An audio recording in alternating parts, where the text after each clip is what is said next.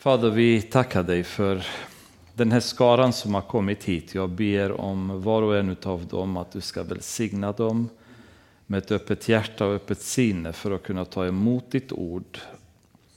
Och det ordet ska sedan ge tillväxt i varje hjärta som kommer, Herre. Fader, jag ber att du ska bygga upp kunskapen om dig i oss alla under den här kvällen. Att ditt ord ska penetrera oss och leda till förändring i våra liv, Herre. Vi vet att ditt ord blir aldrig fruktlöst, utan det blir alltid ett resultat av ditt ord. Så det enda vi behöver försäkra oss ikväll, Fader, det är att det är ditt ord som blir talat och det är ditt ord som sen ska få verka i våra liv. Jag ber att du ska öppna våra ögon så att vi förstår den magnifika skapelsen som du har gjort, Herre, så det kan öka vår beundran, vår kärlek, vår uppskattning, Herre, för dig och allting som du har gjort. Jag ber att du ska hjälpa oss se allting med dina ögon så att vi förstår den här världen så som du har förstått det, Herre. Det vi inte behöver veta, det som inte är uppbyggande för oss, jag ber att du ska låta oss bara passera förbi och bara låta oss få ta till oss det som bygger upp oss, det som hjälper oss att kunna lära känna dig lite mer. Jag ber att detta ska också göra oss ödmjuka när vi står inför den du är Fader och vad du har gjort. När vi ser Jesus Kristus och heliga andens närvaro överallt, att vår ödmjukhet ska öka Herre, för vi är inte mycket i jämförelse med vem du är. I Jesu namn ber vi och ber om din nåd, din välsignelse över den här gudstjänsten. Amen. Ja, då är det eh, tanken att vi ska gå lite, lite, ett litet steg till genom Moseboken. Ehm, förra gången så klarade vi vers 1 och 2 och med Guds nåd så kanske klarar vi vers 3 till 5 idag. Det blir eh, genom de sex, första sex dagarna så kommer vi gå lite långsamt. Ehm, vi kan gå fort, men eh, det är sådana frågor som vi kommer möta med människor som vi pratar med, kollegor, kompisar och så vidare. Och jag tror att det är bra om vi fördjupar oss lite mer i de här frågorna så att vi är förberedda att ge svar när frågor kommer ställas och misstänksamhet kommer riktas mot vår tro. Ehm, när vi kommer navigera genom de här versen eh, och kapitlen kan man säga första framförallt elva kapitlen, det är ganska så omfattande grejer vi kommer läsa som är inte särskilt begripliga med mänskligt sinne och förstånd. Ehm, så, så kommer vi ha väldigt många svårigheter att förstå väldigt mycket. Och en anledning till att ibland vi inte förstår det är att vi har för lite bibelkunskap. Och förhoppningen med det vi gör här det är att vi ska öka i kunskap om Guds ord och förstå mer utav det han har gjort. En annan anledning till att vi inte förstår det är att det är grejer som Gud inte har ämnat att vi ska förstå. Utan eh, hade han velat ge oss mer detaljer, då hade han gjort och väldigt mycket har han inte gett detaljer kring. Och då kanske är det ingen idé att vi försöker att förstå, för vi kommer inte komma så långt då. Och sen kan det också vara så att vi inte förstår därför att vi tänker genom mänsklig vetenskap. Kunskap om fysik och termodynamik och um, matte, kemi och så vidare. Och Eh, inte bara att vi inte är genier, alltså personligen medlemmar i Pingstkyrkastöpen kanske inte är genier i de här ämnena. Faktum är att inte ens vetenskapsmännen har kommit än så långt i deras kunskap så att de har kommit till en vetenskap som ska bekräfta Bibeln. Men vi ser att allt eftersom åren har gått så har även vetenskapsmän av eh, sekulärt ursprung kommit mer och mer till samma slutsatser som Bibeln ger.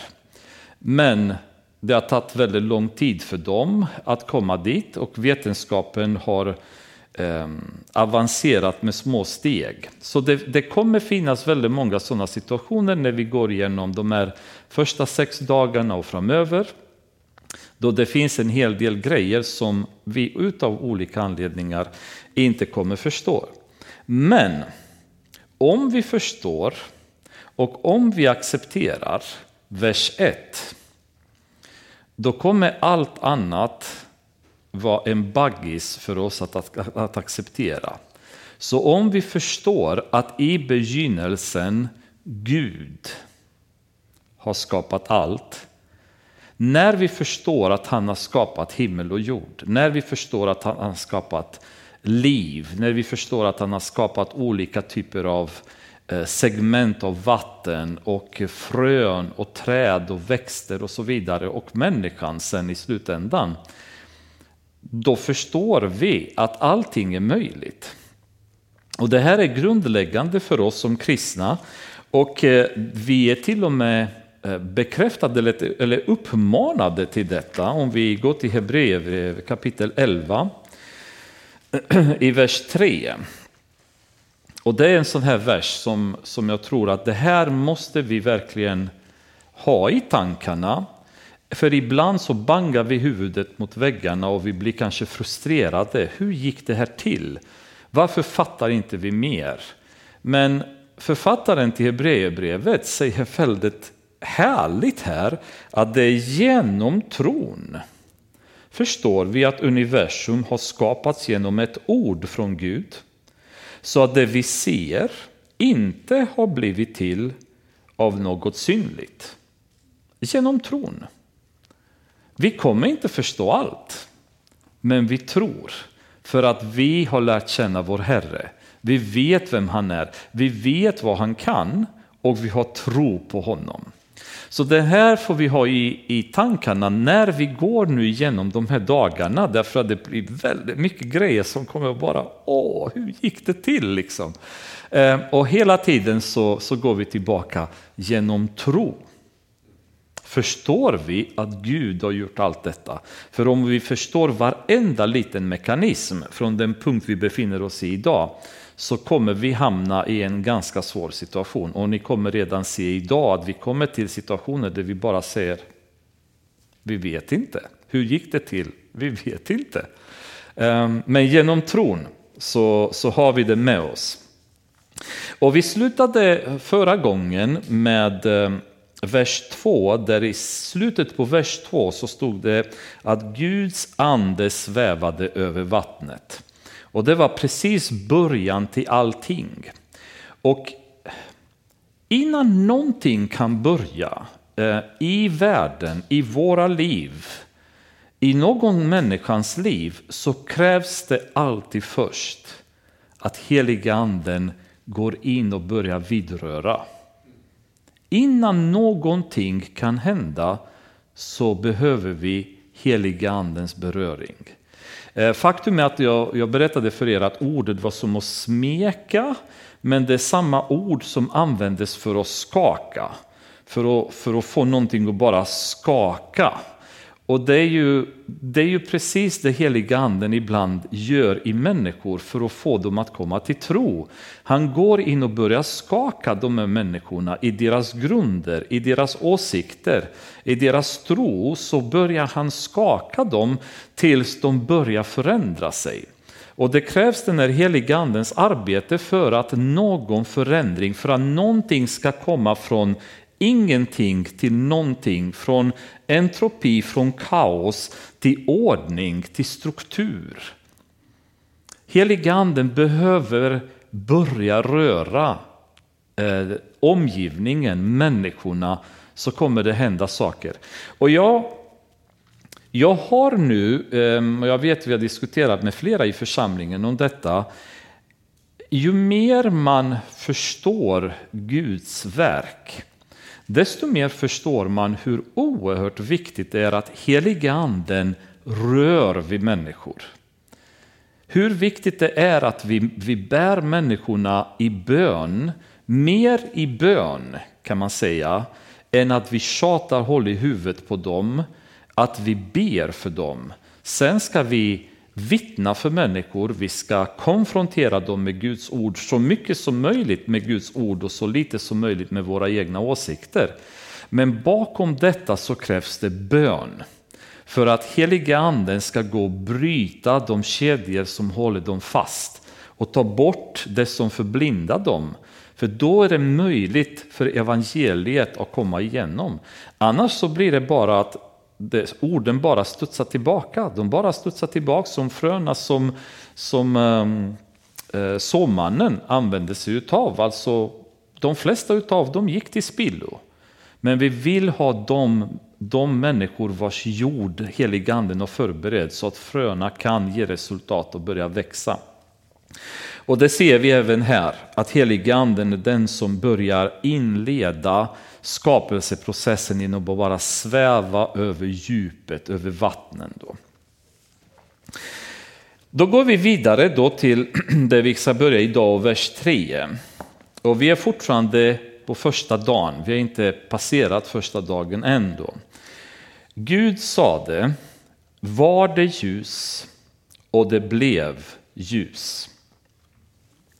När Gud talar så händer någonting omedelbart. Det finns en kraft, ett skapande, en skapande kraft i Guds ord.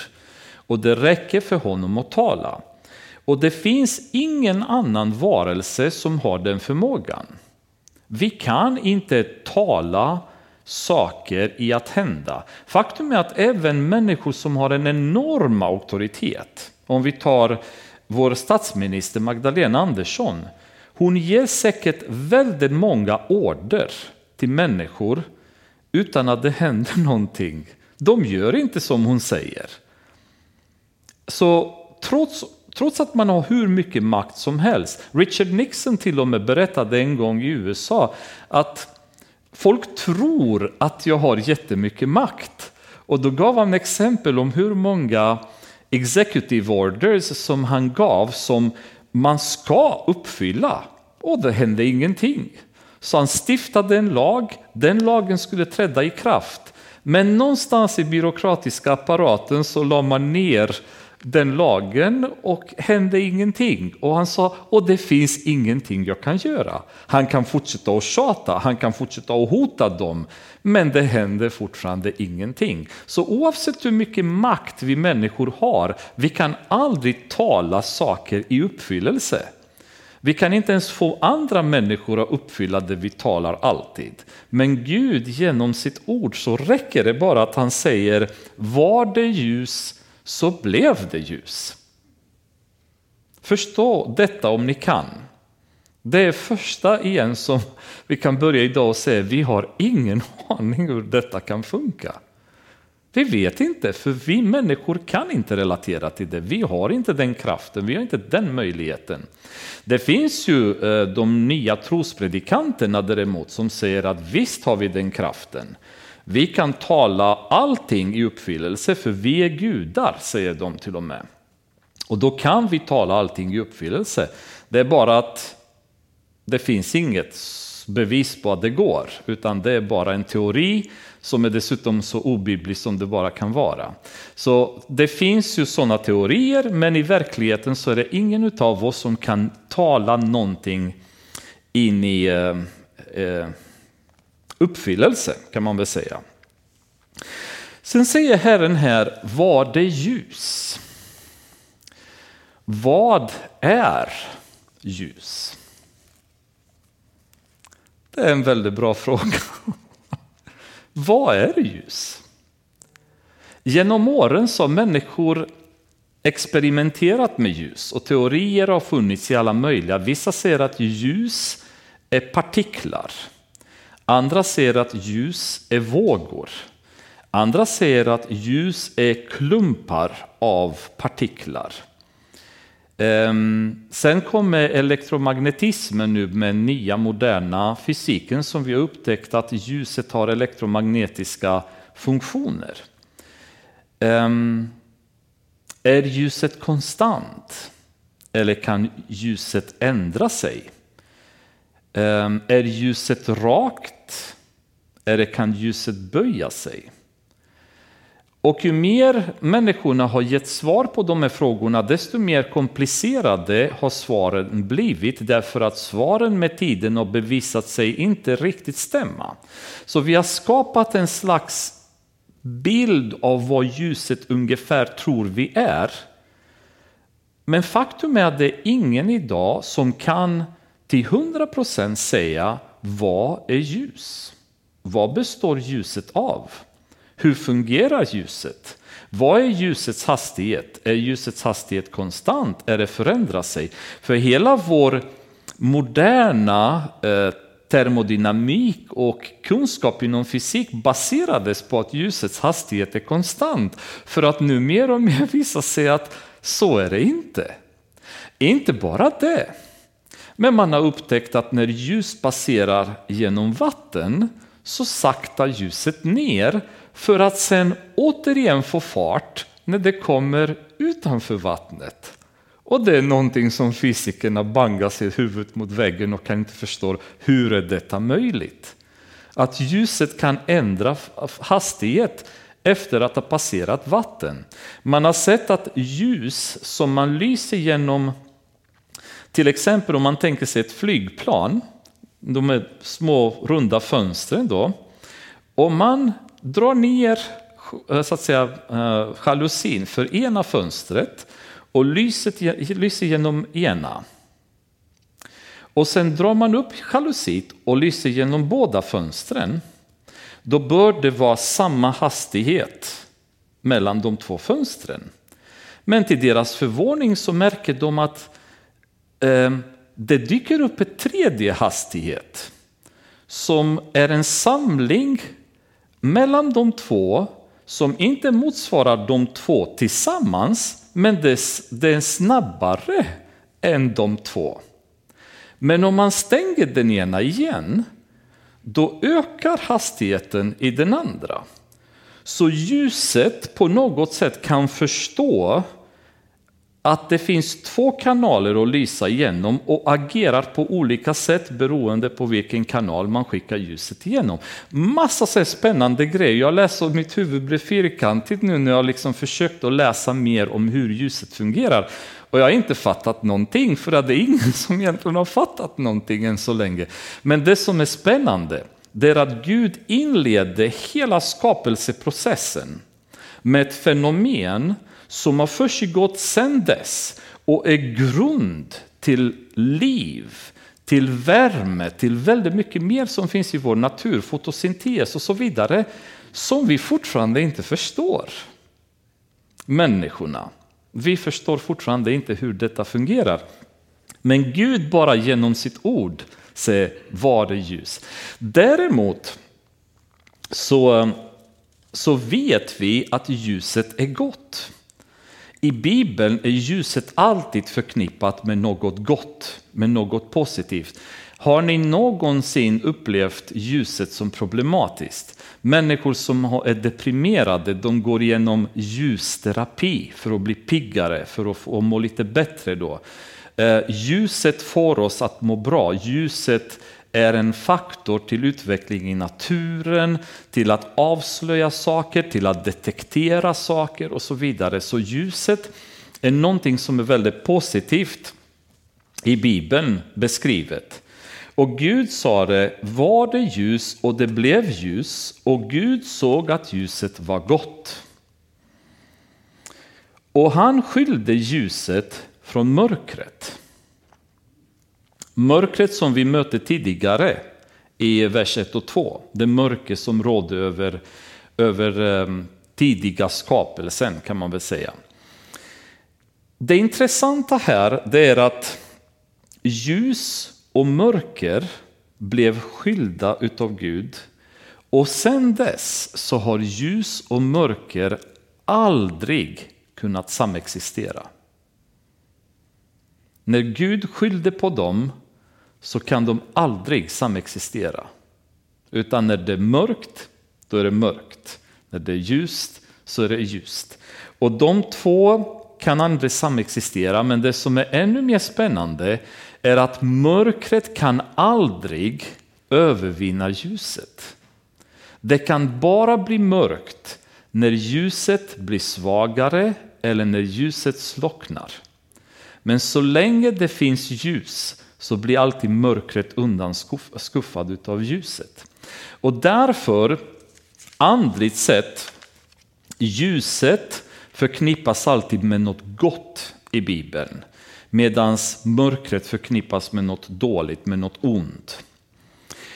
Nu är det så att Gud har beordrat de två att vara skilda från varandra. Han skyllde på dem.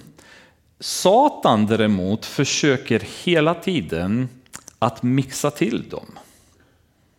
Att få mörker att samverka tillsammans med ljus. Och det är någonting som är väldigt intressant för det är ju om vi följer Satans sätt att arbeta så försöker han alltid att tränga synd och mörker in i det som är ljust. Till den punkten där han själv bedrägligt framträdde som en ängel av ljus för oss.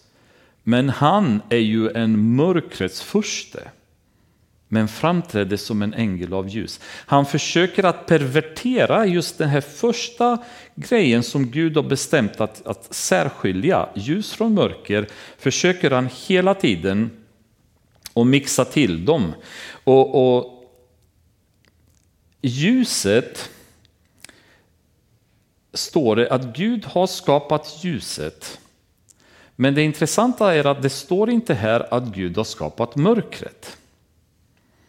Och det är väldigt många det, det är diskussioner mellan väldigt många teologer som menar på att det mörker som existerar det måste ha orsakats av Satan.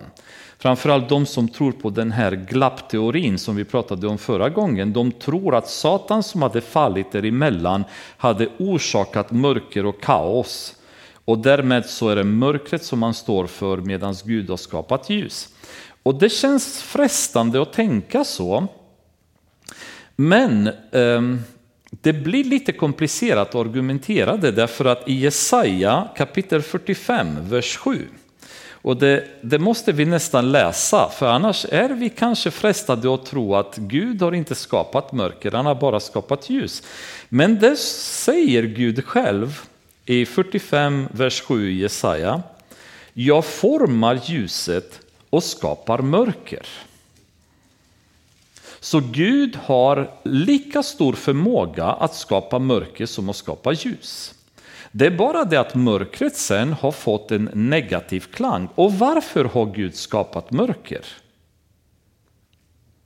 Fråga nummer två som jag inte kan svara på. Ingen aning. Varför valde Gud att skapa mörker för att sen skapa ljus för att lysa i mörkret? Jag vet inte. Men han säger att han formar ljuset och skapar mörker. Så jag tror inte eh, på att Satan är den som har skapat mörkret. Och inte heller, som jag sa förra gången, jag är inte stor anhängare av den här glappteorin. Då, även om jag kan förstå visst resonemang kring det. Men jag, jag tenderar absolut inte att tro på det. Men det används ibland som argument av de som, som tror på det. I första Korintierbrevet kapitel 4, vers 6. Det står Gud som sade ljus ska lysa ur mörkret. Han har lyst upp våra hjärtan för att kunskapen om Guds härlighet som strålar från Kristi ansikte ska sprida sitt ljus. Så här är ju en vers, och det kan, vi kan läsa många fler verser, men det här är en av dem som jag tycker sammanfattar så bra meningen med ljuset. Ljuset blir något gott och används sen andligt sett för att vi ska få en ökad kunskap om, om Gud. Och um, det strålar från Kristi ans ansikte, sprider sitt ljus. Gud är presenterad som ljus. Vi vet att i Uppenbarelseboken så kommer det inte behövas någon sol och någon måne i himlen därför att ljuset kommer från Guds tron istället. Det räcker, det ljuset som kommer från honom. Um, och, och ljuset har alltid förknippats genom Bibeln med Gud. Ehm, och det är ganska spännande. Liksom. Och det, det är ju någonting som man kan titta vidare på och analysera lite närmare hur ljuset fungerar, vad det har för uppgift i, i natur, i våra liv och så. Jag tänker inte gå hur djupt som helst i det, men, men bara slänga lite sådana här äh, aptitretare för er som är lite mer sugna på teknikaliteter. Eh, jag läste några, några böcker om det och eh, Eftersom jag var en ganska så misslyckad i skolan när det gäller matte så efter några sidor så kände jag bara jag fattar ingenting, liksom lägg ner. Men jag, jag fick i alla fall eh, ett tydligt budskap om att det här är ett väldigt komplicerat ämne. Och det är inte jättelätt även för vetenskapsmännen att förstå hur det funkar. Men Gud såg att ljuset var gott och han skilde ljuset från mörker. Gud kallade ljuset dag och mörkret kallade han natt. Och det blev afton och det blev morgon den första dagen. Gud kallade ljuset dag och han kallade mörkret natt.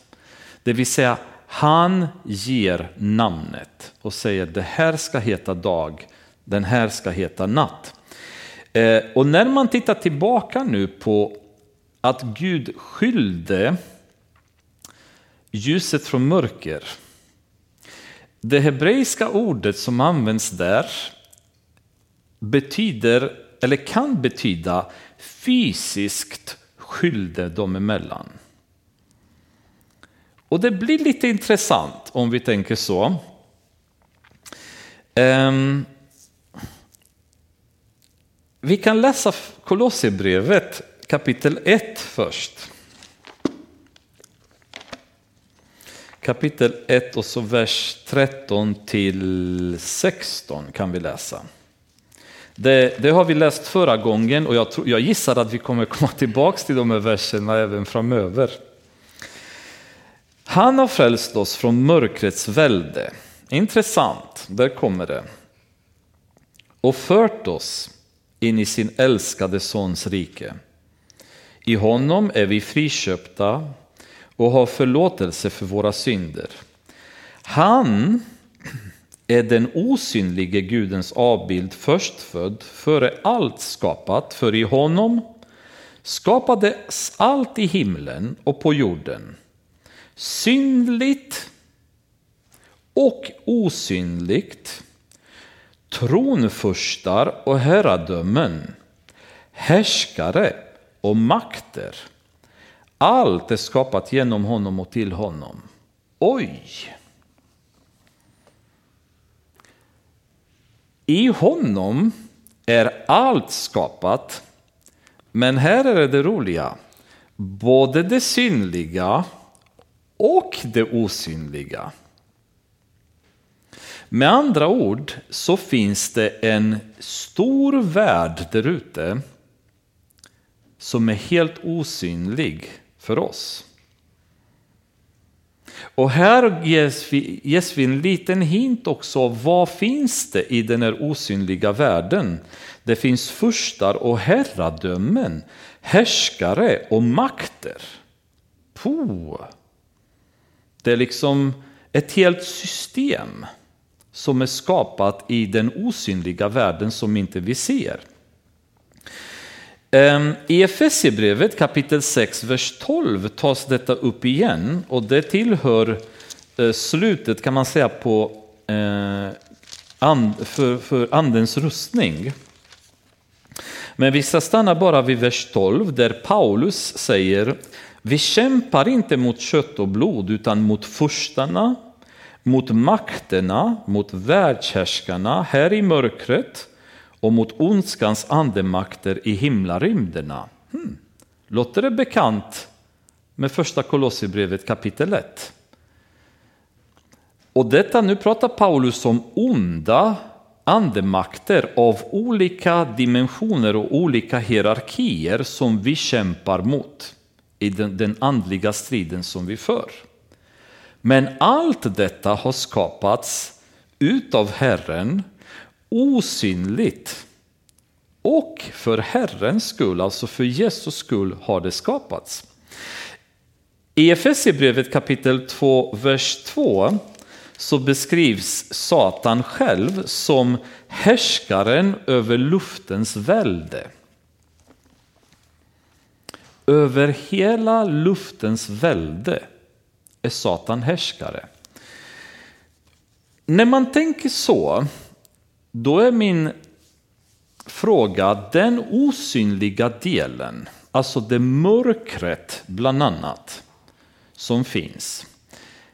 Vad innehåller det mörkret? Är det tomt? Är det vakuum? Eller finns det någonting i det mörkret som vi inte ser idag?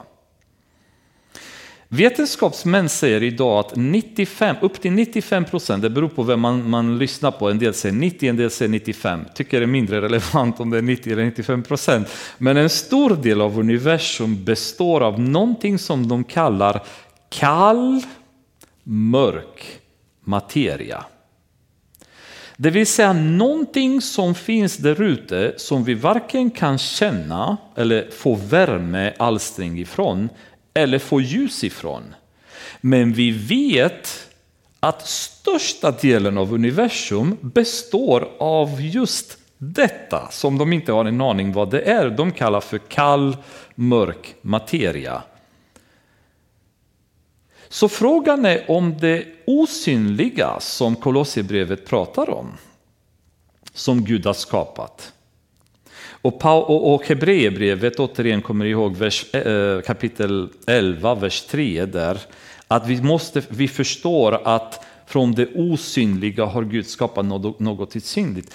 Kan det också vara så att det osynliga som är där ute är någonting som egentligen våra ögon inte klarar av att se? Och vår varelse i mänsklig gestalt inte kan interagera med men som finns där ute hela tiden, men är osynligt. För om vi går tillbaka nu igen som vi pratade förra gången om mörkret som kom över Egypten under Mose tid. Det var ett mörker som var så penetrerande så det satte skräck i hela landet. Det är inte så att om jag bara är lite rädd för spöken för det är mörkt i rummet utan det var terrormörker som hade kommit över landet och som de inte kunde komma ur. Så det handlade inte att det var ett mörker kanske som existerade på det sättet utan de hade hamnat i mörkret. För i Goshen där israeliterna levde, det var det ljust. Och det, det var inga problem. Men egyptierna kunde inte se det ljuset. Det var bara israeliterna som kunde se. Så huruvida mörkret var på riktigt eller var ett mörker där Gud hade förblindat egyptierna för att ha möjlighet att se ljus längre. Deras mänskliga förmåga att uppfatta ljus försvann. Det är en fråga att tänka, för de kunde inte tända lampor. De kunde inte tända eldar, de kunde fortfarande inte se något ljus. Och det här mörkret kan också vara det som pratas i Efesiebrevet, denna samling av härskare och makter och andemakter som skapar det här enorma trycket av mörker som terroriserar människorna. Det kan vara värt att tänka på det och leta vidare i ordet och se, kan det stämma? Men det är ganska intressant för det finns så mycket osynligt där ute som vi kan interagera på något sätt med genom att vi ser effekterna av det som finns, men vi kan inte se det som finns. Och de kallar det för kall, mörk materia, de kallar det för svarta hål, de har alla möjliga definitioner, men det är ingen som vet vad det är. När en stjärna, anser vetenskapsmännen, kollapsar om det är en viss storlek på stjärnan då är gravitationskraften blir så stor så stjärnans kollaps överstiger ljusets hastighet. Men ljusets hastighet säger de samtidigt är konstant och inte kan överstigas. Och den stjärnan sen kollapsar i att försvinna i mörker, säger de. Det är borta. Men vad tar den vägen? Det vet de inte. Det bara försvinner, puff, någonstans i ett mörker. Vad finns i det mörkret? Så mörkret är ju väldigt, en väldigt skrämmande, ehm, ett väldigt skrämmande begrepp. Men Gud valde ljuset för att skilja ljuset från mörker och kunna lysa med hjälp av ljus in i mörkret. Ehm, om vi läser i Johannes eh, kapitel 1, vers 4. Det står i honom, det vill säga i Jesus Kristus, var liv och livet var människornas ljus. För att, för att få bort det här mörkret så krävs det Guds ljus. Och det andliga mörker som hänger över världen kan man väl säga behöver Guds ljus för att kunna penetrera det. Och det är därför är det så fullständigt meningslöst att vi i egen kraft försöker att penetrera mörkret. Vi kan inte det. Det mörkret är djupt och det är tjockt. Om inte Gud tände hans ljus i hjärtat på en människa, då kommer aldrig den personen kunna övertygas till någonting. Det är så oerhört viktigt att vi, vi förstår detta när vi är ute och pratar med folk, att vi hela tiden tänker det är inte genom någon människas styrka utan det är genom heliga anden det ska ske. Det är aldrig genom någon människas styrka. Det finns ingen möjlighet för oss att kunna penetrera det där mörkret. Men Gud med bara ett ord säger var det ljus och pff, mörkret är borta. Så vikten av, av att Gud är engagerad i det vi gör är så mycket mer avgörande än vi ibland begriper. Att vi, vi, vi blir så ödmjuka när vi förstår att vi, vi kan ingenting. Det går inte. Vi kan vara hur smarta som helst, hur skickliga att debattera som helst. Vi kan ha hur mycket kunskap som helst. Vi kan aldrig penetrera mörkret. Men Jesus är ljuset som ger liv till människor. Han kan penetrera mörkret väldigt lätt och mörkret flyr framför honom. Väldigt spännande, bara, bara att, att tänka lite grann på mörker och ljus så är det väldigt, väldigt spännande. Gud kallade ljuset dag och mörkret kallade han natt. Och det blev afton och det blev morgon den första dagen. Ordet för afton på hebreiska heter erev och är samma ord som används för eh, natt men också kaos och oordning. Så först blev det kaos och oordning och sen efter Erev så blev det Boker som är morgon men som också betyder förståeligt eller ordnat. Spännande ord. Som även där, först är det oordning, först, först är det kaotiskt, men sen blir det förståeligt och det blir ordnat.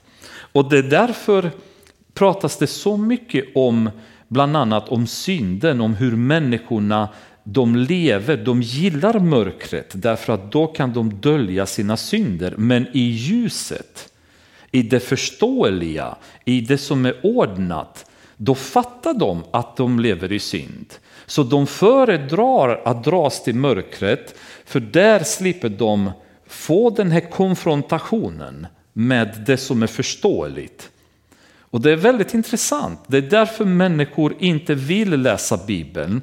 Det är därför människor undviker att prata om Gud. För de, de förstår att i ljuset av Guds ord, i ljuset av heliganden så avslöjas de. Och de kan inte stå där i, och behålla sina synder och leva som de gör, utan ljuset börjar tränga undan mörkret. Så fort ljuset kommer igång så tränger det undan mörkret och då, det är därför de flyr ljuset in till mörkret. För det slipper de konfronteras. Då lever de i ett kaotiskt liv, i ett, en, ett oordnat liv istället för ett ordnat liv och förståeligt liv. Att de begriper vad som händer i deras liv. Och det är jätte, jättespännande, alltså bara de här två orden som redan i början från kaos till ordning och den här kommer upprepas genom de sex dagarna. Afton och morgon, erev boker, erev boker. Sjunde dagen upprepas det inte längre. För då har Gud gjort allt perfekt. Då vilar han.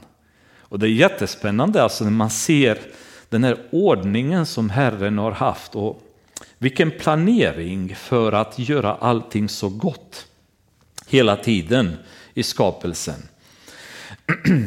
Dessutom det här kommer placera oss i en, en ny fråga.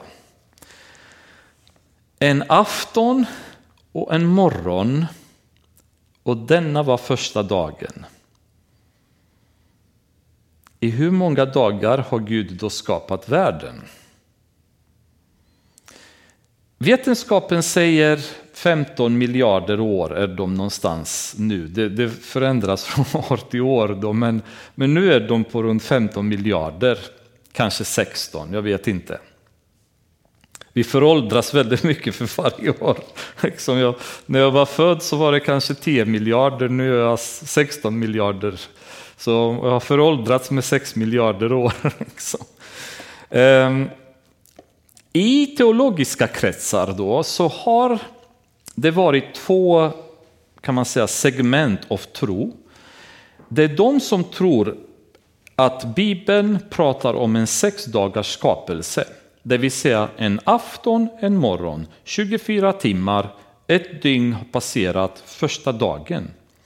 Andra som säger att egentligen så är hebreiska ordet för dag, det kan också tolkas som epok eller tidsepok, eller eon kan man väl säga då. Stora tidsperioder och att det har passerat en lång tidsperiod och den har sammanfattat första dagen. Ehm, jag skulle nog säga att de som står för den här teorin är kanske mer de som tror på vetenskapen och försöker att anpassa Bibeln efter vetenskap eller hitta möjligheter. Kan vi böja lite, tvista lite, få på något sätt verserna i Bibeln att anpassa sig efter vetenskap. Och problemet med det här konceptet det blir att vetenskapen hela tiden förändras. Och då är det frågan hur mycket ska vi böja på bibelverserna för att anpassa det efter 6 miljarder år som det var på 40-talet till 16 miljarder år som det är nu i vår tid. Och därför har de beskrivit det väldigt diffust till att det är en tidsepok. Och det får bli vad det är. Så länge, så länge vi ser tidsepok, det spelar ingen roll om det är 6 miljarder eller 16 miljarder. Men det passar väldigt dåligt med Guds ord, för ju mer vi studerar Bibeln, desto mer ser vi hur exakt Gud är i det han skriver. Han slänger inte bara ord i Bibeln, utan varje ord, varje kommatecken, varje jota som det står har en mening. Och, och, skulle vi fördjupa oss ännu mer i studier så att man går in i mer hebreiska texter, vilket vi kommer beröra lite senare när vi kommer till genealogier, då ser vi hur mäktigt Guds ord är och hur exakt och precis allting är lagt. Så att Herren skulle på något sätt ha slängt någon slags tidsepok där vad, vad det är, liksom, det är väldigt tveksamt att det passar med bibeltolkningen i övrigt. Ehm, ett annat problem med den, eh, den, den förklaringen det är att anledningen till att de har den förklaringen det är att man ska anpassa Bibeln efter de fossiliserade bevis som de har hittat. Djur som ska ha levt för 15 miljarder år sedan, 10 miljarder år sedan och så vidare. Och då säger de bara att inom de här dagarna, tidsepokerna, ja, men då har dinosaurierna hunnit dö och så har det kommit de andra djuren under tiden och så vidare. Och då stämmer det med paleontologiska fynd som vetenskapen gör idag. Samtidigt som de säger enligt vetenskap att människan har bara uppkommit för cirka 300 miljoner år sedan. Låt oss låtsas, med tank, eh, låtsas att det är så, leka med tanken att det är så. Då har vi ett problem. Därför att om vi går till Romarbrevet 5 kapitel, vers 12. Där säger Paulus någonting som kommer få de här vetenskapsmännen att svettas ganska ordentligt. Därför är det så, genom en enda människa kom synden in i världen och genom synden döden. På så sätt nådde döden alla människor eftersom alla hade syndat. Så genom synden, det här är bara en vers, vi kan ju plocka fram många fler, men genom synden kom döden in i världen. Om människan har uppkommit för 300 miljoner år sedan, hur kan djur ha dött 2 miljarder, 5 miljarder, 10 miljarder år tidigare? För döden existerade inte. Att djur dör, att naturen dör, att förruttnelseprocessen har inletts och så vidare är ett resultat av synd. Så vi kan inte ha en fornhistorisk period innan människan där döden har existerat, för döden har inte funnits. Tills människan har syndat, då har döden kommit in i världen och påverkat hela Guds skapelse på grund av synd. Så det, ur ett bibliskt perspektiv, det funkar inte att anpassa de här verserna efter vetenskap. Ehm, sen är det också så att Skapelsens ordning, som vi kommer gå igenom de sex dagarna, det matchar inte fossiliserade ordningen. Det vill säga saker som var skapade senare i de bibliska berättelserna enligt fossilernas eh, åldersberäkning, de har funnits tidigare. Så det stämmer inte överens med paleontologin ändå. Så det, det, är en teori som jag tycker att tyvärr kanske har uppstått så som många andra teorier uppstår idag. Det vill säga, vi försöker i församlingen att anpassa oss efter världen. Och det är ju det, det värsta vi kan göra. Det enda som är konstant, det är ju Guds ord. Allt annat är föränderligt. Världen säger en sak idag, de ändrar på det imorgon, de ändrar det på, i övermorgon. Det värsta vi kan göra, det är anpassa oss i församlingen efter världen. Då är det kört för oss. För då kommer alla möjliga galenskaper som dyker upp i vår tro Därför att vi måste permanent anpassa vår tro efter världen. Och det är det vad moderna församlingen gör idag, inte på en kanske nödvändigtvis skapelsenivå, men i beteendenivå, i tolkning av andra frågor och så vidare. Vi anpassar oss efter världen hela tiden. Istället för att hålla oss konstanta efter Bibeln. Här står det svart på vitt. Och det var en afton och det var en, och en morgon och detta var första dagen. Det är nästan som att författaren visste att det här kommer bli ifrågasättande. Så dag efter dag genom skapelsen så upprepas samma sak. Det var en afton och det var en morgon och det var första dagen och det var andra dagen och det var tredje dagen. Och teologer sitter fortfarande och säger mm, ja, det står att det var en dag, men se om vi kan göra lite andlig gymnastik och ändra på det till att bli något helt annat. Helt sjukt. Och läser vi vidare i andra Moseboken kapitel 20. Eh, återigen, Herren visste hur vi kommer, vad vi kommer göra, så han, han eh, kontrade på ett väldigt tydligt sätt här.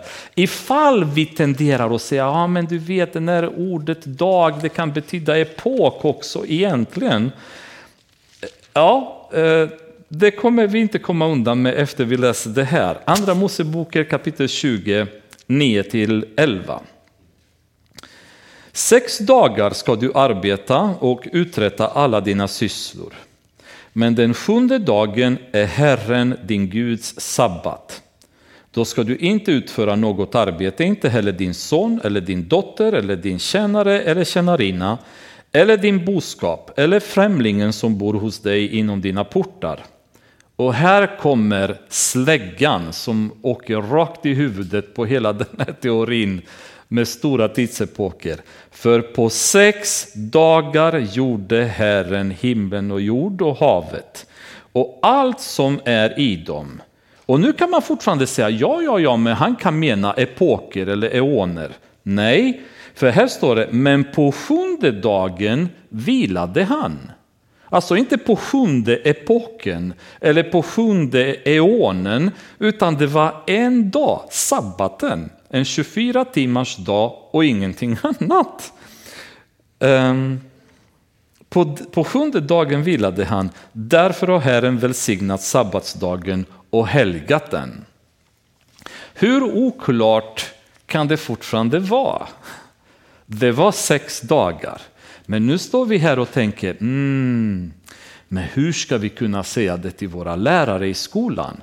Tror de inte att vi är helt koko i huvudet om vi säger att sex dagar, men kom igen, vi har ju bevis på att det inte är så. Hela vetenskapen talar om för oss att, eh, att det är 15-16 miljarder år gammal. Så här kan det inte vara.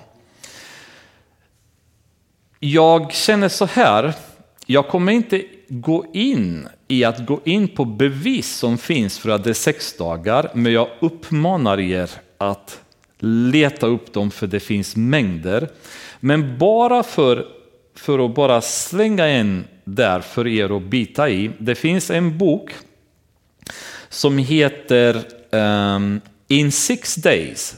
Det finns bara på engelska. Och ni måste lära er engelska om ni ska komma åt bra böcker, annars är det inte mycket ni kan läsa. uh, in six days, why 50 scientists choose to believe in creation.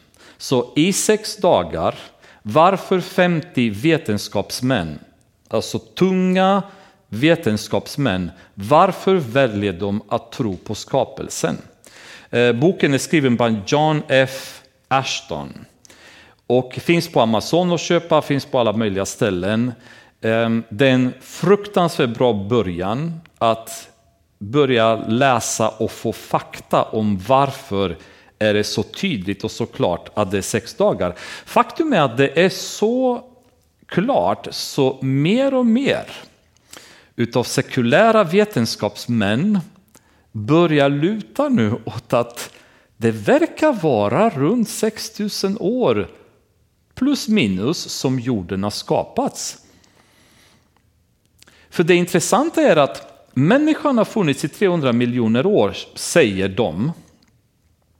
Men de första skrifterna som människorna lämnat efter sig finns mellan 3000 och 3500 år före Kristus. Men käre någon, har människan verkligen inte klarat av att skriva någonting på 300 miljoner år och väntat så länge på att få några bokstäver på en stenplatta?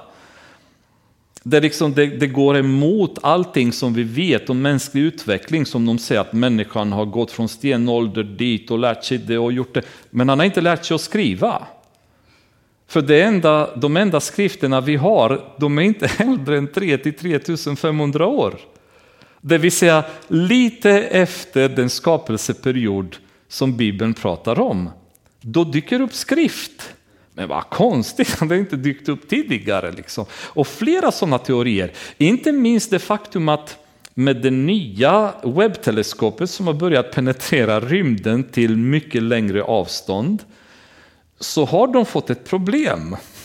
Och problemet är att de upptäcker galaxer och himlakroppar vars ålder enligt teleskopet är äldre än vad universumet ska vara. Oj, hur förklarar man det? Varför, hur kan de vara äldre än själva universum? Och då går vi tillbaka till vad är ljus egentligen? Har ljuset alltid haft en hastighet som den har idag? Kan ljuset ha haft en annan hastighet? Eftersom ljusets hastighet nu konstaterar vi ändras hela tiden.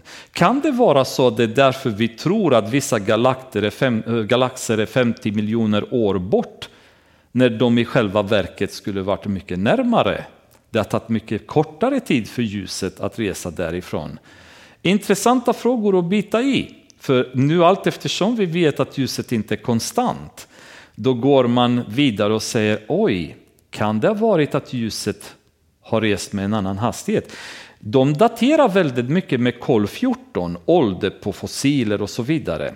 Eh, nyligen var det ett fall där någon hade testat och skickat fossiler till flera olika institut och någon hade sagt 1000, 2000 år eller något sånt här. Någon annan sa 2 miljoner år, någon sa jag vet inte hur många andra miljoner år. Alla påstod sig ha använt sig av kol 14 datering. Henry Morris som en forskare, kristen forskare som i många år har ifrågasatt kol 14 metoden.